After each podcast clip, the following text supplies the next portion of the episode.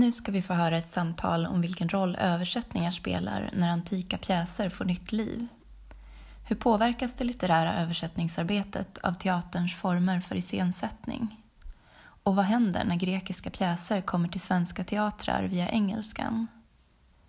Medverkande är Kristina Hagström Ståhl som har översatt och regisserat Anne Carsons nyöversättning av Sofokles tragedi Antigone för Göteborgs stadsteater samt Helena Fagertun som för andra gången översatt David Greggs bearbetning av Aiskylos De skyddssökande för uppsättning på Malmö stadsteater. Samtalet spelades in i Rum för översättning på Bokmässan den 28 september 2019 och arrangerades av Akademin Valand. Varsågoda och lyssna. Ja. Ja, men vi tänkte att vi skulle presentera varandra och ställa lite frågor av varandra för att vi har um, på ett sätt gjort ganska liknande arbeten här uh, som vi ska berätta lite om med att översätta grekisk tragedi till svenska via engelskan mm. uh, för, iscens, uh, för specifika iscensättningar också. så det är väl lite fokuset här. Precis. Um, vill, du, vill du börja med att presentera ja, men Jag kan börja med att presentera dig. Ja. Och du har så långa... Du har inte bara ett långt namn, Kristina Hagström Ståhl, utan du har också långa titlar och så vidare, så jag har skrivit ner dem. Du är professor i performativa konstarter här i Göteborg vid Högskolan för scen och musik. Uh, och du jobbar också mycket, mycket med något som heter PARS, mm. som är Platform for Artistic Research Sweden stämmer. Mm. Och vad är det? Det är eh, den konstnärliga fakulteten här på GU, eh, den fakultetens gemensamma forskningsplattform kan man säga för konstnärlig forskning i dialog och utbyte med eh, konstnärlig praktik och forskning inom andra områden. Så vi ordnar konferenser och ger ut en tidskrift och arbetar med att främja den här dialogen kan man säga. Mm. Mm. Sen är du också verksam som regissör.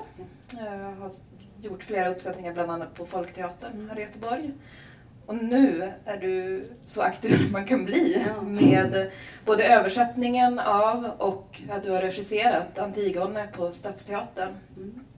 Uh, och det, det kommer vi prata mer om men det är en översättning som har gjorts via Anne Carsons översättning mm. till engelska.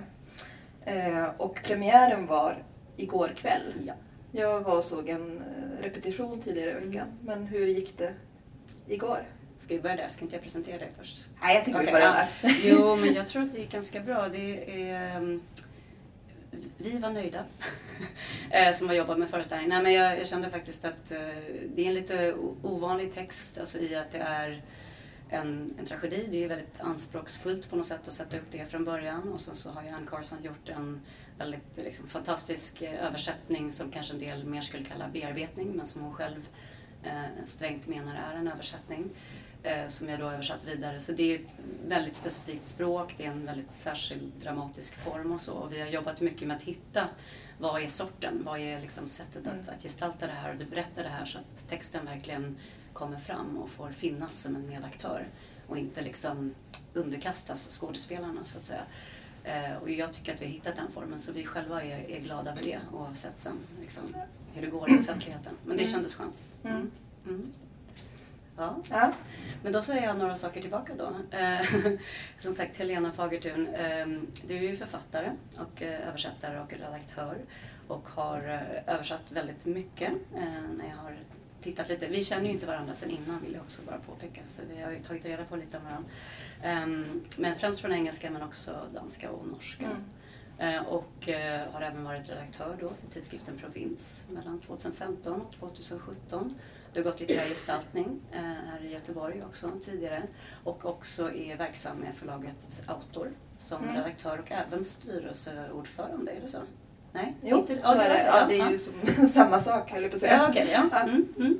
Eh, nej, men så att inom ett, ett flertal områden så, och så har du ju då gjort den här översättningen av Aiskylos, de skyddssökande, två mm. gånger. Eh, en gång Precis. när det spelades på Stockholms eh, stadsteater, eh, 2018 var det mm. Och eh, nu igen eh, med en, för, eh, alltså en uppsättning som har premiär, vad är det, den 10 oktober? Den 10 oktober, ja. precis, i Malmö. Så den, den repeteras fortfarande. Mm. Och den görs, du får berätta lite mer om det, det är ett speciellt samarbete ja. med, mellan Danmark och Sverige också. Men då ska det sägas att den översättning som du har gjort har ju gått via eh, David Grieg. Ja, Eh, precis. precis. Men han, han säger, alltså det är ju hans version, han kallar det inte för en översättning, eller? Nej, han kallar det nog för en version En eller version, något precis. liknande. Mm. För att han har... Eh, som jag har förstått det så är det en, eh, en grecist, alltså Mm. en som har översatt den, nyöversatt eller gjort en liksom grov översättning från grekiskan av de skyddssökande. Mm. Som sen David Grieg har bearbetat. Just det. Så han har liksom bearbetat den översättningen och sedan så, Så, har det tagit vid Ja, via precis. danska och engelska Ja. förstod jag det sen. Ja. Ja. mm. Och, och just det här att det är två gånger också. Eh, Ja, det var ju väldigt Mm. speciellt och jag hade inte, jag hade inte översatt dramatik Nej. eh, innan jag började med det här. Så att förra hösten sattes den upp på Stockholms stadsteater eh, och då fick jag frågan om jag mm. ville översätta den. Eh, och det tror jag var ett ganska så här, som det ofta ser ut när man översätter dramatik, Mm. om man kommer in som ja, men, extern översättare. Så att jag fick pjäsen, jag översatte den, jag hade en del kontakt med dramaturgen, eh, Mark Mathisen på Stadsteatern i Stockholm.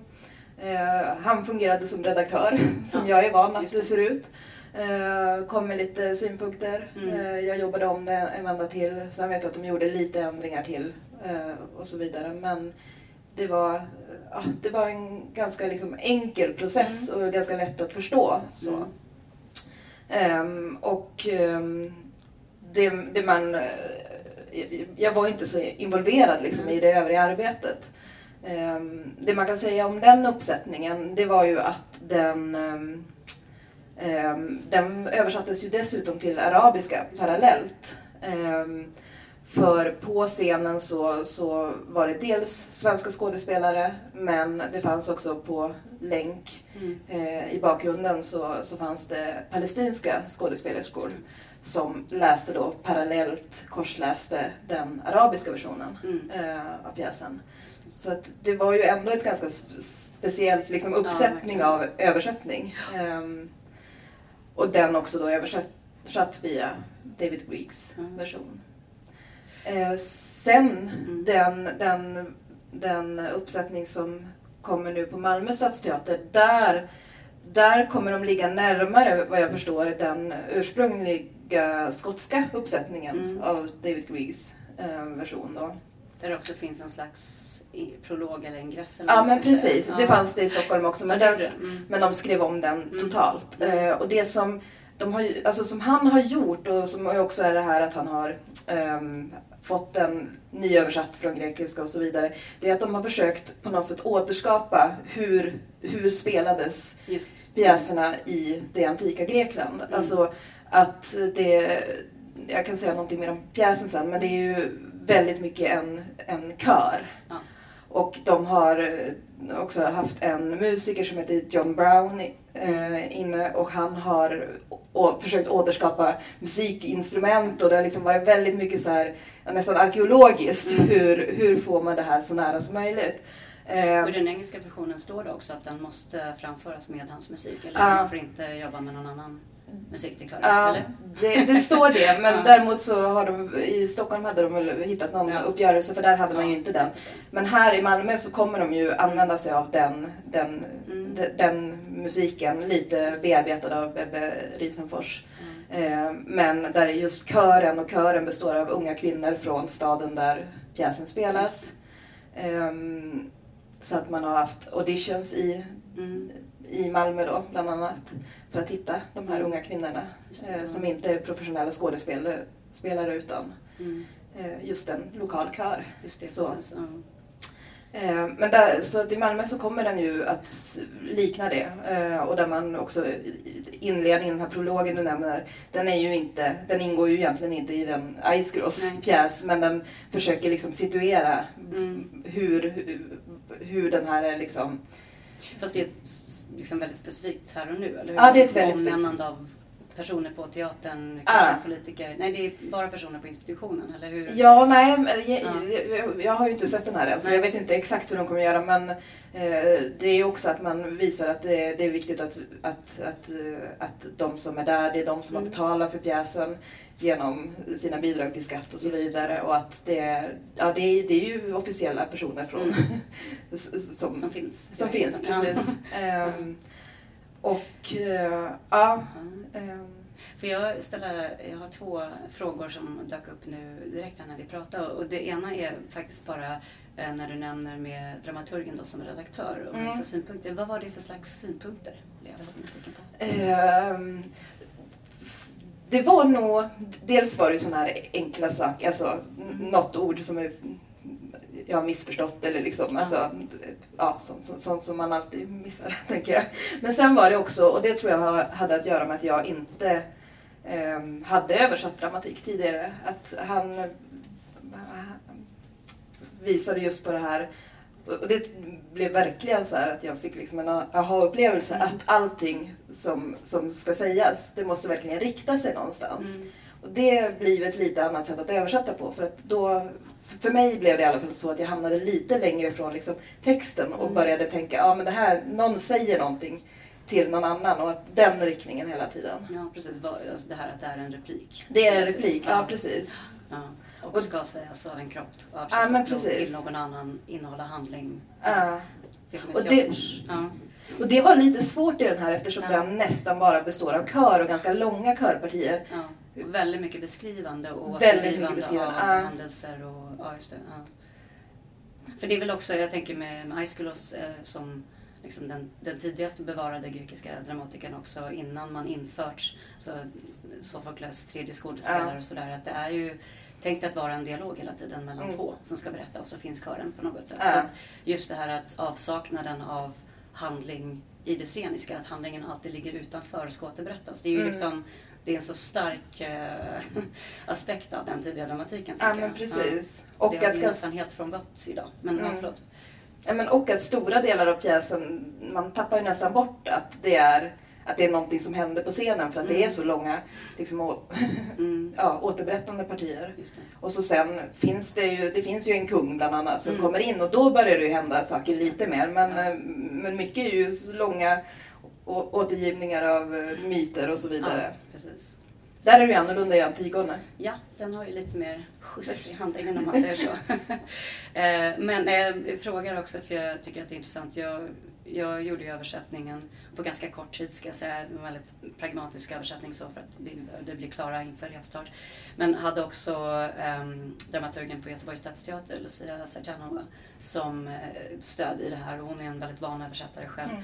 Men hon var på mig väldigt mycket just med att det skulle vara begripligt också. Eh, Ja. alltså, för att Carson är ju så liksom väldigt eh, specifik i sina ordval och sina konstruktioner och eh, tycker jag leker väldigt mycket med tanken om vad en replik är och, och det finns en väldigt stark liksom, kommenterande aspekt i själva översättningen ska jag säga till, till den här texten Mm. och till den här pjäsen. Och jag var väldigt, la mig väldigt nära det för att jag ville, jag tyckte att det var spännande att tänka att det här är dramatisk text som inte nödvändigtvis läses som dramatisk text. Hon använder inte skiljetecken, hon liksom ger ingen indikation så liksom. Väljer ibland avsiktligt att ta bort sånt som skulle kunna eh, ja, men, säga vad, vad undertexten är eller intentionen eller sånt där. Eh, och det, det var en diskussion som vi hade väldigt mycket hela tiden. Där hon också just ville att jag skulle gå längre ifrån för att göra det mer sceniskt användbart. Och Mm. jag mm, höll ofta emot för jag kände att jag vill inte riskera att förlora det som är det här specifika för att det ska bli spelbart. Mm. Så det var liksom, eh, alltså jag är väldigt eh, nöjd över vad vi landade med men, men det var, vi pratade mycket fram och tillbaka just om det. Så jag, var av nyfikenhet om det Ja. var samma typ av erfarenhet du hade. Även om du sen Mm. liksom lämnade ifrån dig texten. Så. Vet du hur, för den, Mm. den, är ju övers, eller, den är ju uppsatt också i hennes, på engelska. Ja, just det, precis. Ehm, vet du hur de jobbade med texten där och så? kring just den, den, den biten? Jag vet inte jättemycket om det. Det, det finns ett par eh, utdrag som ligger på, på Youtube, man kan se lite. Eh, det finns också en bok som är skriven om den processen, men just mm. den frågan tas inte upp så mycket. Eh, däremot så skulle jag säga, det var så den nederländska regissören Ivo van Hove som beställde den här översättningen av henne kan man säga. Hon hade gett ut Antigonique som vi båda har här, mm. så, 2012 som ju verkligen är en, en bearbetning och ett, ett väldigt eget grepp kring Antigone. Och han ville sätta upp den men ville att hon skulle göra liksom en rak översättning.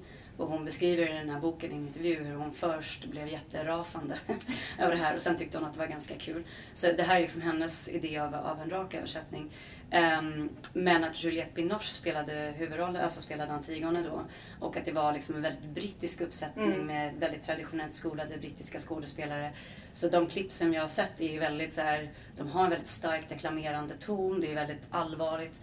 Uh, på ett sätt som jag tycker personligen kanske tycker krockar lite ibland med de mer lätta, mer faktiskt humoristiska och lite ironiska nästan mm. blinkningarna. Det var, var ganska mycket en, en uppsättning utan ironi vad det verkar. Mm. Um, så jag vet inte riktigt. Men hon var ju själv involverad och satt på repetitionen och sånt ja, där. Okay. Så att de kanske justerade lite med henne mm. på något sätt. Ja. Det skulle vara intressant att veta mer om. Ja, ja, jag vet inte det. Mm. Jag blir också väldigt nyfiken eftersom du, du har översatt den mm. men du har också regisserat den. Mm. Alltså hur har den processen sett ut? Hur har ut, liksom, översättningen utvecklats under repetition och så vidare? Den har utvecklats en del. Det har varit lite av en balansgång också. Jag ska bara gå tillbaka till innan och säga att, att eh, det var ju så just för att jag hade lite ont om tid och jag visste att jag själv skulle regissera den så hamnade jag lite i en fälla som jag berättat för dig innan mm. också mm. där jag insåg att när jag liksom tittade på texten så gjorde jag översättningar och satt och tänkte hur det här kommer låta när skådespelarna säger det på svenska på scen sen. Eh, och det blev verkligen inte bra för att då började jag göra konstiga saker med språket och då var det Magdalena, äh, faktiskt, här, tack för det, som sa till mig att du, måste, du kan inte hoppa steget av att låta det vara en text i sin egen rätt. Mm. Det måste först översättas mer som en litterär text och sedan får vi tänka på vad översättningen till scenen är. För mm. det är ju mm. också en översättningsprocess alltid, att gå ifrån text till, till gestaltad replik. Det är ju ett enormt arbete som man gör. Um, så att det var väldigt bra för då, fann, då hade liksom texten i alla fall en egen identitet och var inte helt liksom, uh, uppluckrad eller suddad i för, liksom, mm. för den dramatiska handlingens skull på något sätt. Sen har det ändå varit så att vi har ändrat en del saker, saker som jag eh, Alltså olika grejer, saker jag inte var nöjd med, som jag tänkte skulle bli bra men som verkligen inte lät bra sen. Eh, saker som just blev för riktningslöst. Um, saker som eh, vad ska jag säga, eh, alltså där jag också insåg att jag faktiskt hade valt fel ord för situationen. Att när vi väl började jobba med texten situationsbaserat, för det är ändå det man måste göra sceniskt, så insåg jag att jag kanske måste välja ett annat adjektiv eller ett annat verb så att det faktiskt speglar det som mm. pågår nu. Eh, för att eh, när jag satt och tänkte text så tänkte jag här är alla möjliga variationer på det här. Men som sagt då hade jag inte eh, kanske den dramatiska situationen i åtanke. Sen har jag hållit emot väldigt mycket också när skådespelarna har velat ändra eller frågat varför. Varför måste jag säga det här? För det står så i engelska. för jag har översatt det så. Eh, så det har jag varit hård med och ibland har de velat um, Därför att Carson lägger in lite slanguttryck och sånt där mm. också. Så har de liksom spunnit vidare på det lite och då har det varit en viktig gränsdragning i vilken mm. typ av uttryck man får använda och vilka man inte får använda. Mm. Eh, till exempel så, så eh, Kreon kallar ju väktaren för ett getanus vid ett tillfälle, goatsanus. Yeah. Eh, vilket ju passar väldigt bra i grekiska sammanhang och sådär. Men, men eh, däremot så är det ett tillfälle där det finns, ska finnas ett uttryck för extrem frustration. Eh, som är alas på engelska som jag översatte till ack. Och då började en av skådespelarna säga fuck lite försiktigt. Så smyga in ett F där för hon tyckte att det fick mer kraft så. Mm. Och då sa jag att liksom, absolut inte under några omständigheter. Jag kan inte tillskriva Ann Carson ordet fuck i en text. Liksom. Eh, särskilt som det ju har en annan laddning och valör på engelska faktiskt än mm. på svenska. Men du har ju också ja. bevarat några engelska ord ja. i, i den som ju också får en an, annan valör ja. på svenska. Ja, de säger well till exempel, flera av dem. Och uh, vad är det mer för någonting de säger? Tell me säger Cleo mm. vid ett tillfälle och sådär. Mm. Det hade att göra med att jag, jag ville att den skulle ha kvar eh, starka spår av engelskan. Mm. Jag, jag, jag, menar, jag är inte översättare på det sättet. Nej. Jag är lite bruksöversättare när det behövs.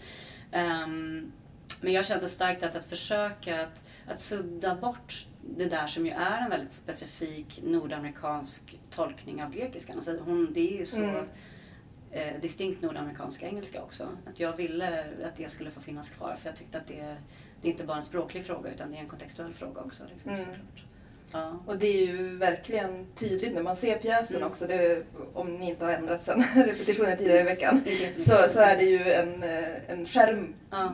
i början Just där det. det till och med står att, att den är i översättning av Anne Carson. Ja. Vilket ju är lite skruvat eftersom den inte längre är i översättning Nej. av Anne Carson. Nej, Men, precis. precis. Eh, jag, jag tyckte att det var roligt att göra det. Eh, Det är jag som har gjort den lilla skylten där. Men det handlar ju också om att jag vill att det ska vara tydligt att det finns en översättningsprocess i Mm. den här uppsättningen. Alltså det är väldigt viktigt att det inte bara är Antigone. För att, menar, grekiska dramer, alla, det finns ju som påtalades i samtalet innan, det, ingenting är ju neutralt. Det finns ingen neutral översättning, inget neutralt språk. Och i det här fallet också, ehm, alltså jag tänker all grekisk tragedi som kommer till ett annat språk gör ju det genom kraftiga tolkningar och Mm. bearbetningar för att vi vet inte allting, vi vet inte exakt hur det var. Eh, det finns ofta olika versioner, det är fragment. Antigone är ju en, en bevarad pjäs men den version som vi har är ju sammansatt mycket senare och sådär. liksom. Mm. Och i och med att, att Carson då så tydligt har eh, velat eh, verkligen transformera texten i sin översättning och transformera innehåll och betydelser och ton i många fall. mm, Så känner jag att jag vill inte att den här teaterpubliken ska ha missat att läsa det någonstans och tänka Nej. att man ska få en traditionell tolkning av en grekisk tragedi. Så att för att språket är så otroligt viktigt för mig och den här texten är så viktig för hur vi har jobbat sceniskt Mm. så vill jag att det, det är, för mig är det en del av titeln. ja, Att det är hennes. att det är också. hennes. Mm. Ja. Men du har rätt, Eh, det är ju Det- inte det längre på ett sätt. Eh, så. Mm. Ehm, jag ville eh, tillbaka till, eh, bara så jag inte glömmer att fråga om det också med de skyddssökande. Eftersom att du nämnde då att, att eh, dels är ju den här översättningen till svenska men så spelas den också på danska. Och sen Mm. så ehm, Nej, nu blandar jag ihop det. Det var faktiskt den förra dagen där översättningen även var till arabiska. Jag. Ja. Upplevde du också då att frågan om översättning och frågan om språk var en, en gestaltande del i uppsättningstanken? Så fick språket spela den rollen då? Ja, den var ju extremt närvarande och jag tror inte Mm. riktigt jag var beredd på det när jag kom på premiären. För jag vi- visste ingenting om Nej. hur de skulle sätta upp den. Jag visste bara att de skulle skriva om prologen. För den hade jag översatt och så sen sa de nej men du behöver inte jobba mer med den för den kommer vi skriva om helt. Ja. Eh, Men det var ju en uppsättning där, där eh, skådespelarna satt på scenen med manuset framför sig vid varsin bänk Mm. och stora delar av pjäsen lästes ju innantill. I alla fall Mm. liksom som en chimär. Men, Mm. Och det gjorde att texten fick väldigt stor liksom, ja, betydelse Mm. i Mm. uppsättningen. Ehm, så att det upplevde jag nog verkligen att, Ja. att man visade på liksom att det här, det här är text. Ja.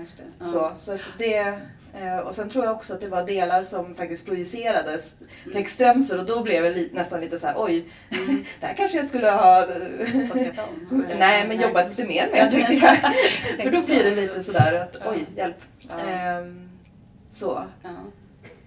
Ja, ja, det blir spännande att se liksom hur, hur den blir i Malmö nu. För Mm. där, för mig har ju det varit ännu mer en process. Mm. Eftersom jag, där har jag varit mer involverad i arbetet.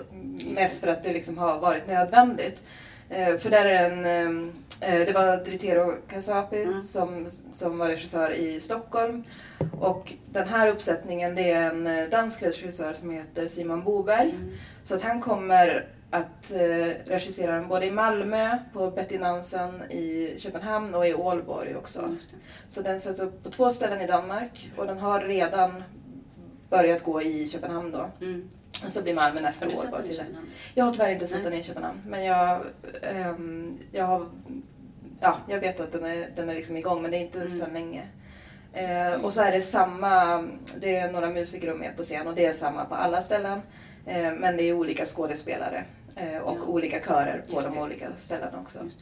Ehm, Men här var det ju så att vi har liksom verkligen försökt hitta hur ska vi jobba med det här och det Mm. har verkligen inte varit liksom självklart. Ehm, För att från början så, så fick jag nästan så här en, ett uppdrag att översätta eh, och, och försök behålla metriken. Mm.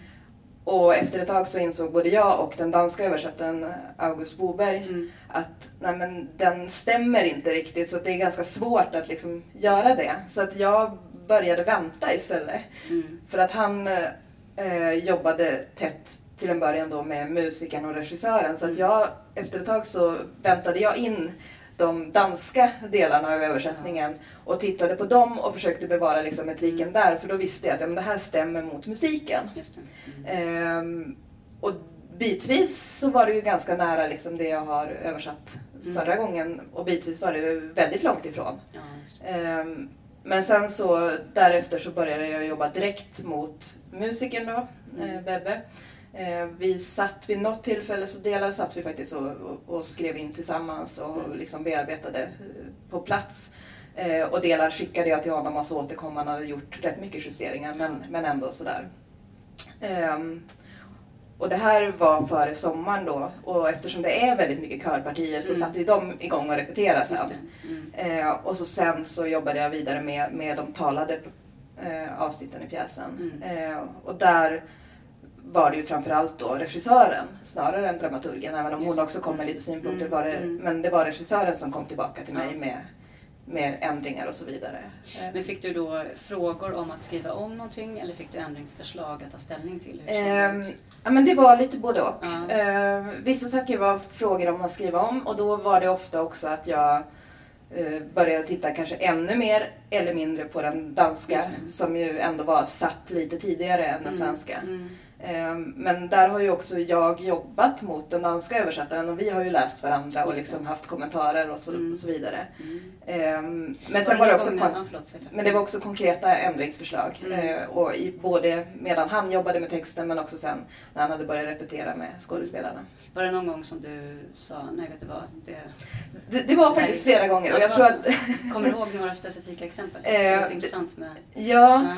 det, det var framför allt eh, sådana saker som jag upplevde att nej men nu, nu blev det danskt här. Mm, mm.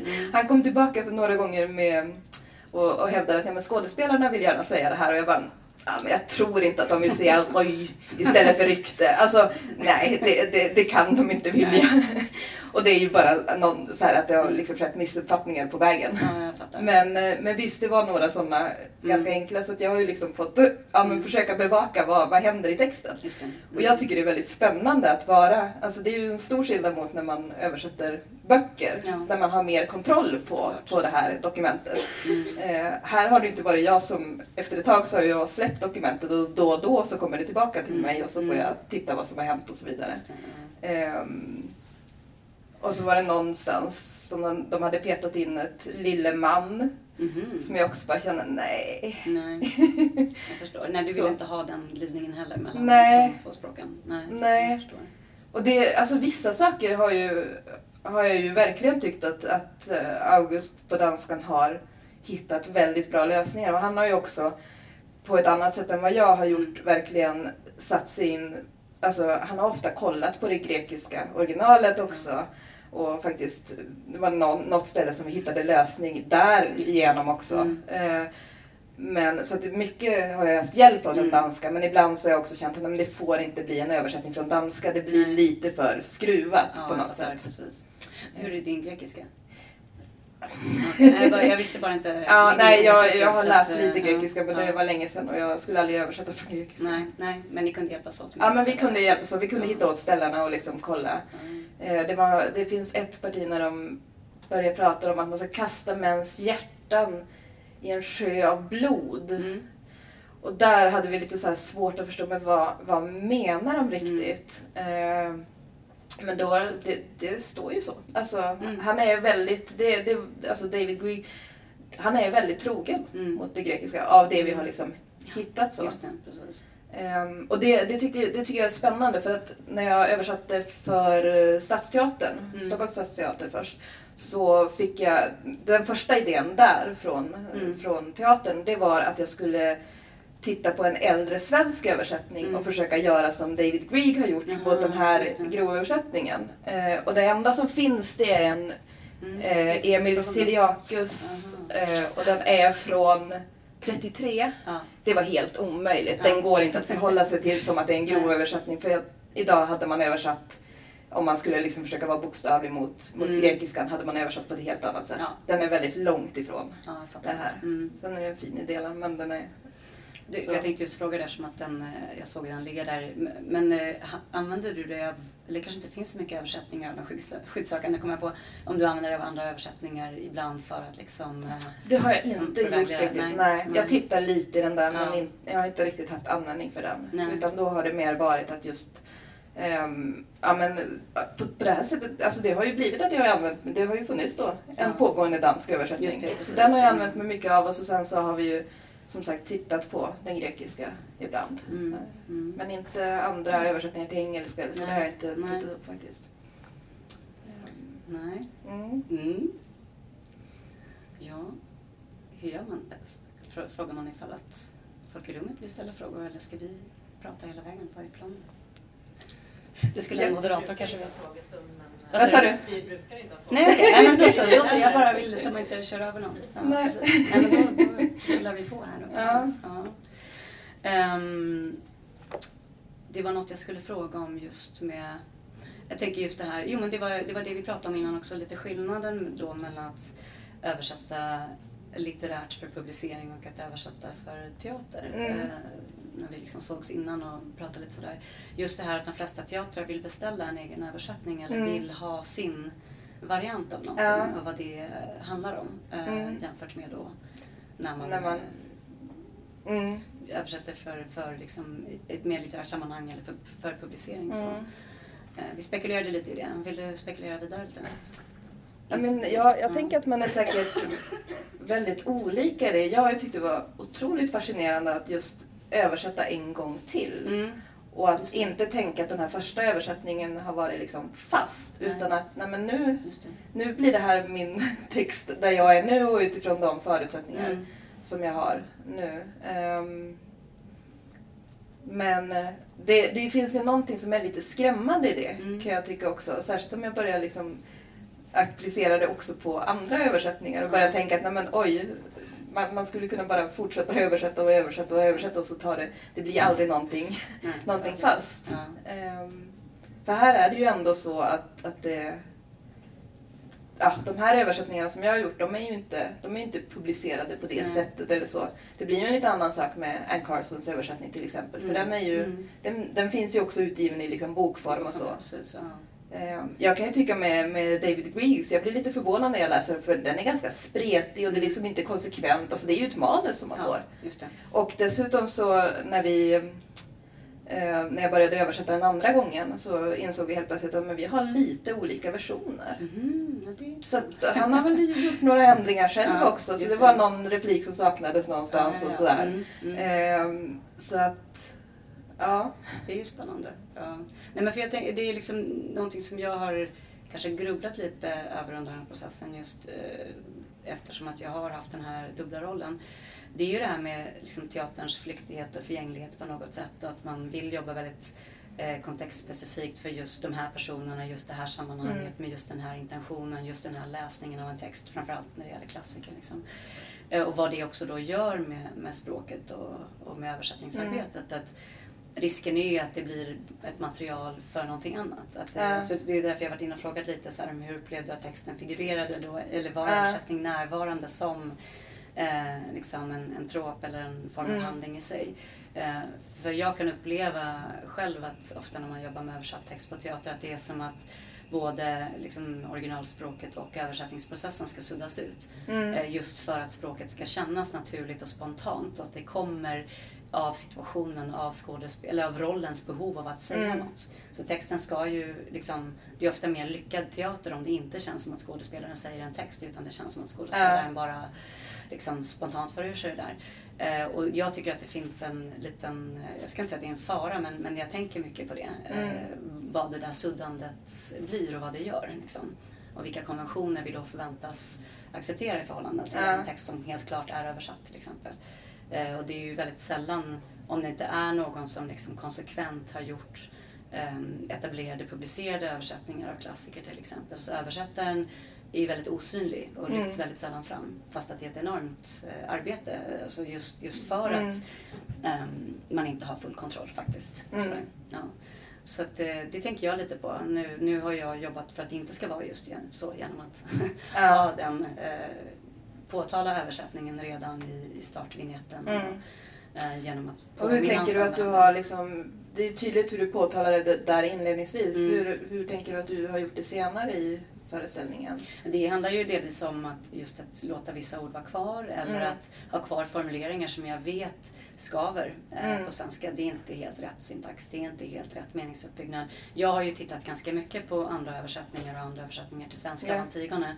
Eh, just för att den här, eftersom att Carsons översättning är så pass radikal så ibland är det nästan lite för svårt att förstå vad hon är ute efter. Uh. För det är som att hon säger, här är ett ord, det finns fem varianter på vad det skulle kunna betyda. Jag tar den här varianten här borta. Eh, inte den mest uppenbara och konventionella. Och när man mm. då hittar den och tänker, men vad ska det här betyda? Så har jag ibland behövt jämföra med vad någon annan mm. har gjort för att, för att kunna kalibrera liksom, vad jag ska göra. Um, men uh, där har jag just verkligen valt att ligga väldigt nära vissa formuleringar fast att jag vet ja. att det kommer låta lite anglofont. Så, liksom. Mm. Uh, men uh, engelskan har ju också alltså, har ju tagit sin plats i svenskan. Svenskan mm. är ju ett språk som väldigt mycket lånar av, använder sig av och formar sig efter mm. engelskan just nu. Liksom. Så det, det tyckte jag kunde få vara med. Mm. Liksom. Mm. Uh. Jag undrar om vi kanske ska avrunda här. Ja. Tre minuter kvar. Har vi tre minuter kvar? Okej, okay, det är... Ja, just det. Ja. Där. Men då tänker jag att ja. vi pratar om, om situering till exempel, ja. att göra det liksom i nuet. Eh, och då, det, vi har ju inte pratat så mycket om pjäserna egentligen. Nej. Antigone tänker jag att man ja, men känner till. Du säger att det finns flera översättningar tidigare. Ja. Den har satts upp väldigt mycket. Mm. De skyddssökande känns ju lite mer som en pjäs som inte Ja, inte, alltså inte ofta alls. Inte ofta alls, nej. Och framförallt eh. inte i, sin så att säga raka version. Nej. Utan då är det ofta en bearbetning. Precis. Mm. Men vi pratade lite innan, uh, inför det samtalet, just vad är det som gör, för, det, för särskilt nu i höst så kommer mm. det väldigt mycket ja, eh, antika mm. tragedier på svenska teatrar. Mm. Vad mm. tänker du är som gör att de här är så aktuella idag? Ja, precis. Så för egen del, jag har ju velat göra den här uppsättningen sedan 2011, första gången jag pratade med en teaterchef om att göra den. Så för mig är så, här, så att, att det blev nu handlade inte egentligen om att så här, samtiden och det politiska klimatet. Men jag tror att från teaterns håll så var det därför mm. det kändes relevant att göra Antigone igen. Eh, och jag, jag är väldigt mycket emot det här att prata om, om liksom så klassiker som tidlösa eller de talar direkt till oss. Och så tänker jag så här, det gör de inte riktigt för att det är ganska mycket saker som vi måste liksom kompromissa med för att tycka att det är ett direkt samtal. Vi har inte den relationen till gudarna. Vi har inte liksom, väldigt mycket av det som styr vad som händer i ett grekiskt drama är faktiskt inte sånt som vi bara yes, i ett sekulärt samhälle. Eh, så. Däremot så är det ju vår föreställning om konflikt och politisk konflikt och vad demokrati är och vad, vad etik är och mm. vad ansvar för vår medmänniska är. Det är ju frågor som adresseras som är liksom ständigt aktuella kan jag tycka på något sätt. Um, men jag tror också att vi söker ju tröst just nu. Ja. på något sätt i vårt väldigt instabila eh, samhälls och liksom globala läge som vi är i. Jag tror att det handlar mycket om det. Att man tänker så här, här finns ju någonting att hålla sig i. Mm. Eh, svara om det för 2500 år sedan så, ja. så kan vi liksom, det, det, det blir ett sätt att vara eh, en människa genom historien också. Mm. Att, så här, att sträcka ut en hand till andra tider.